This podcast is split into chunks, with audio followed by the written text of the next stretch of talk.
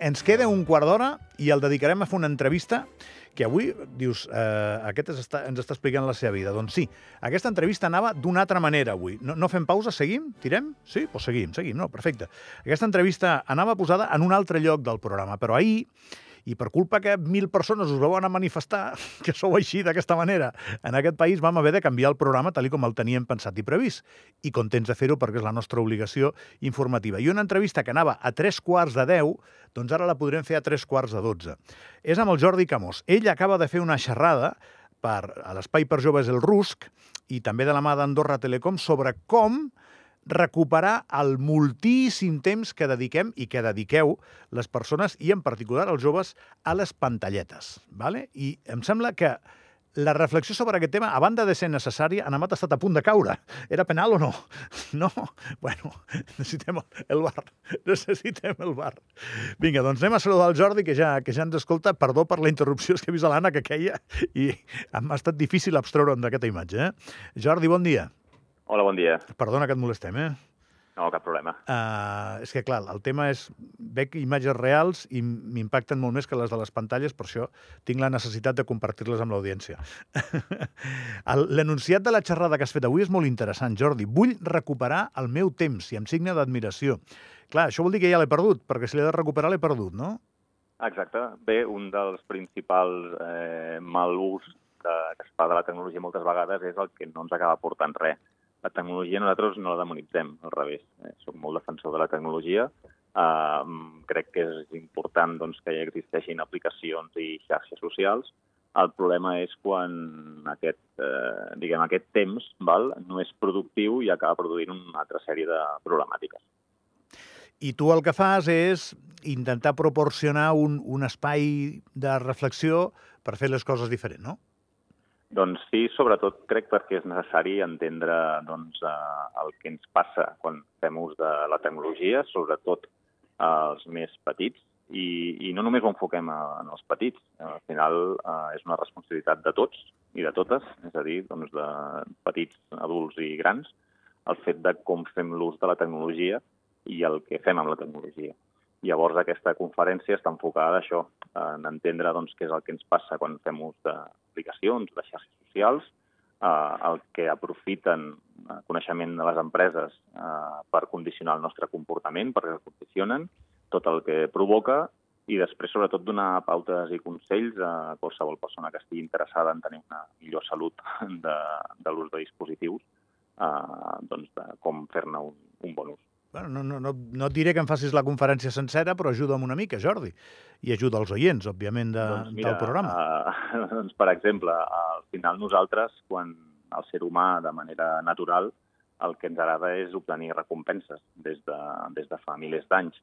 Uh, el que ha passat és que si abans obtenir una recompensa requeria un esforç, doncs, per exemple, no? des del ser primitiu, caçar un cèrvol requeria una sèrie d'esforços. A dia d'avui tenim molta recompensa a l'abast de la mà. És a dir, obrim el dispositiu i tenim recompensa en quant a contingut. El contingut és una cosa que ens distreu, que ens ho fa passar bé, i el que hi ha darrere és que hi ha doncs, eh, empreses que s'aprofiten d'aquesta aquest, creació de continguts doncs, per captar el nostre temps. I com més temps passem a les aplicacions, doncs més diners guanyen amb la, amb la publicitat.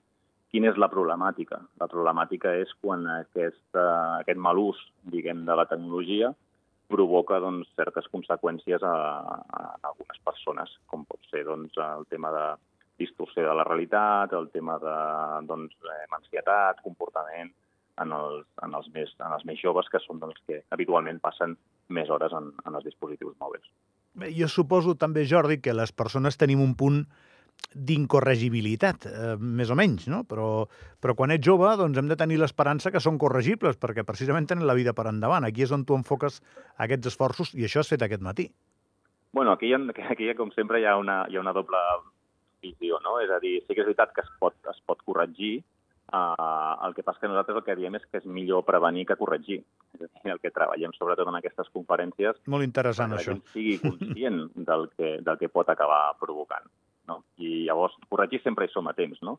Però si el problema és que s'omplin les sales de centres mèdics psicològics, psicòlegs i de més, és que el problema, el problema va més, no? Llavors el que volem sobretot és això, conscienciar a pares, mares, famílies, que el fet, en aquest cas, de donar un dispositiu mòbil a un menor té una sèrie de conseqüències i el fet de no acompanyar-lo eh, en, aquest, en aquest ús, doncs eh, les conseqüències a vegades són, són molt dolentes. El que més et deuen preguntar és on poso la frontera, no? On començo? O el llindar més que la frontera. Ara es parla de, de 12, 13, 14... Diuen que hauríem de començar a fer-ho als 16.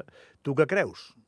Bé, mira, eh, això és una opinió molt personal, és a dir, jo soc, jo soc pare de tres filles, eh, i de 22, 19 i 15 anys, i el que ha estat eh, molt clar des d'un principi, tant per part de, de la seva mare com per part meva, ha estat de posar unes límits, unes normes, establir un compromís i unes conseqüències si no es compleixen. Si no hem de recordar que som pares i mares, sigui tecnologia o no sigui tecnologia. Llavors, eh, s'ha posat de moda el fet de donar el dispositiu als 12 anys, sí, però si tu no vols, doncs no, no ho donaràs. Uh, recordem que aquí darrere hi ha unes aplicacions que fan servir els menors que ja tenen una data de, no, de registre mínim. És sí. S'han de registrar amb, amb 16 anys, amb 14, o inclús l'accés a la pornografia està prohibit fins als 18 anys. Eh, donar un dispositiu mòbil perquè el nen es tanqui l'habitació amb 12 anys i descobreixi, per exemple, el món de la sexualitat a través d'una pàgina web pornogràfica, doncs és un perill. Nosaltres precisament anem a això, és a dir, anem a que la gent sigui conscient de que donar un dispositiu mòbil té unes responsabilitats i unes, i unes conseqüències. Llavors, sobre la pregunta, és la pregunta del milió, uh, però realment la resposta és molt, és molt simple. Si tu com a pare i mare no vols entregar un dispositiu mòbil fins a certa edat, no ho faràs o no hauries de fer-ho. I si li dones, doncs l'hauries d'acompanyar. És així de fàcil és, és, és, és complicat, eh? Tan, tan fàcil i tan difícil, eh, Jordi? Perquè la gent té horaris, la gent té compromisos, eh, la supervisió de la consulta que es faci d'aquesta eina, quan és una eina que està tan present. La diferència entre aquesta eina i altres prèvies que hem tingut a la humanitat és la continuïtat que té, no? És que és permanent. Eh, la portes a sobre, és, és supercòmode. No, no és sí, gens és la, fàcil, és això. És la primera vegada que ens trobem amb un dispositiu que el tenim 24 hores a, a l'abast de, de la mà. Aquesta és la gran diferència però, per exemple, dins de casa no? doncs hi ha unes normes i, i aquestes normes s'haurien de complir. Moltes vegades, un exemple, no? que em diuen no, escolta, més que la meva, l'escola on van els meus fills permeten els dispositius mòbils. Bueno, sí, el permeten, però si tu no vols que el porti, no el portarà. I aquí és on moltes vegades no, veiem que entren discussions on, on, on es passen la pilota uns als altres. No? El govern ho pas les escoles, les escoles ho pas les famílies, les famílies a les escoles, i aquí ningú se'n vol fer càrrec. I aquesta és una, és una de les problemàtiques. I tu te n'has sortit, més enllà de qualsevol dubte raonable que diuen, perquè ja m'ho has dit que tens tres, tres filles, ho has aconseguit? Creus que sí? Eh, bé, més el que jo hagi aconseguit o no, és el que un al final, doncs, en el seu dia a dia i en la seva família, eh, que és el que vol aconseguir. És a dir, jo el que volia aconseguir és que fessin un bon ús. Eh, la tecnologia per mi no és ni bona ni dolenta. Vull dir, segurament, no? si ara avui ens perdéssim per una muntanya d'Andorra, doncs faríem servir la tecnologia per, per avisar algú o per, o per trobar el camí cap a casa. No? La tecnologia no és ni bona ni dolenta, simplement és l'ús que se'n fa. Llavors, jo me n'he sortit i jo crec que en el meu cas sí. És a dir, jo m'he interessat sobretot pel que fan les meves filles, pel que veuen, pel que parlen, etc etc. Que hi han coses que m'oculten, evidentment, i espero que ho segueixin fent perquè és el que han de fer, no?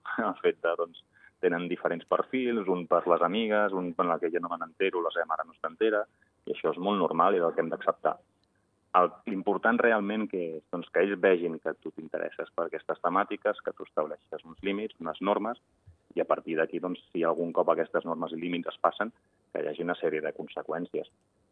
Per mi el problema més important és aquest, és el fet de, per exemple, no parlar mai amb els nostres fills de, de la tecnologia, ni parlar del que fan, ni del que veuen, i que ells descobreixin aquest, aquest món pel seu, pel seu compte sense cap acompanyament. No, no, és millor afrontar-ho, és el que, el que dieu tots els pedagogs i les, les persones que dediqueu la vostra vida a pensar.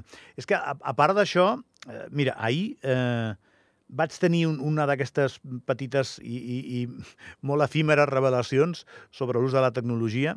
Ara, quan anem al gimnàs, anem amb el mòbil, també perquè probablement l'utilitzem doncs, per consumir algun contingut, també, perquè ens entretingui mentre fem, mentre fem esport i, i van pujar cinc persones en un ascensor i totes cinc miràvem amb el mòbil i no érem crios, saps? És que el problema no és dels crios només.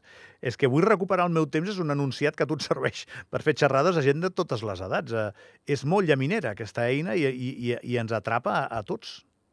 Sí, hem de ser, hem de ser, hem de ser conscients d'això, eh? però clar, moltes vegades és, bueno, és que van mirant el mòbil pel carrer i, bueno, clar, no sabem què passa en aquell no? Potser, potser estan comunicant alguna cosa que és important, no, no, no, no hi ha cap problema per estar a l'ascensor mirant, mirant el dispositiu. El que hem de ser conscients és al cap del dia de quantes vegades ens ha portat alguna cosa o hem, o hem complert un objectiu eh, gràcies a mirar el mòbil i quantes ha sigut una mera distracció o perquè el nostre cervell ens ho ha demanat.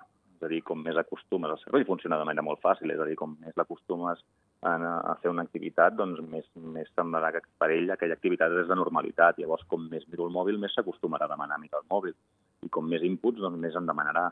I aquesta és la problemàtica. Eh, això, exemples, n'hi ha milers. Uh, gent que va pel carrer amb un gos i va mirant el mòbil, o, o, o el que és pitjor, no? moltes vegades és el nen, que és una gran problemàtica, uh, el nano petit no agafa el mòbil, és el pare o la mare que per sopar tranquil li dona el dispositiu mòbil.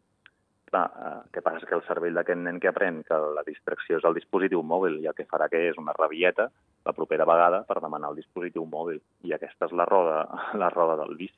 Una última pregunta, Jordi. Com t'han mirat els joves avui? Quina cara et posaven? Doncs mira, et, dic, et diré que sempre que vaig a escoles, instituts o faig conferències aquí al RUS, per exemple, els joves són molt conscients eh, que ells, ells demanen moltes vegades ajuda, perquè ells al final és, escolta'm, jo tinc un dispositiu mòbil que m'ho vull passar bé, que és una distracció, per ells és una distracció, vull dir, com el nostre temps era una distracció una altra cosa. El problema és que és una distracció que, parlant clar, té molt mala llet, perquè està dissenyada per captar el màxim d'atenció possible dels usuaris. I ells, I ells són conscients de que perden moltes vegades el temps. Eh, poden fer-la servir per distreure? Sí. S'ho passen bé? Sí. Veuen vídeos divertits? Sí. Igual que nosaltres, els adults. Però en un cervell que s'està desenvolupant, ells no són conscients de moltes, de moltes coses, no? Llavors, eh, l'objectiu sempre d'aquestes conferències és sobretot que aquelles persones que realment, eh, petits, mitjans, grans, famílies, qui sigui, que ho estan passant malament, perquè repeteixo que ansietat, depressions i més un problema, però després està el fet de la, moltes agressions sexuals per la visió distorsionada de la pornografia que tenen, o, per exemple, de les apostes esportives. Llavors, la conferència, sobretot, per qui tingui un problema realment, doncs que aixequi la mà, se'n doni compte i, i hem de canviar alguna, alguna cosa. L'objectiu és aquest. Jordi, moltíssimes gràcies pel teu temps eh? i enhorabona per la conferència i per la formació. Gràcies. Moltíssimes gràcies a vosaltres.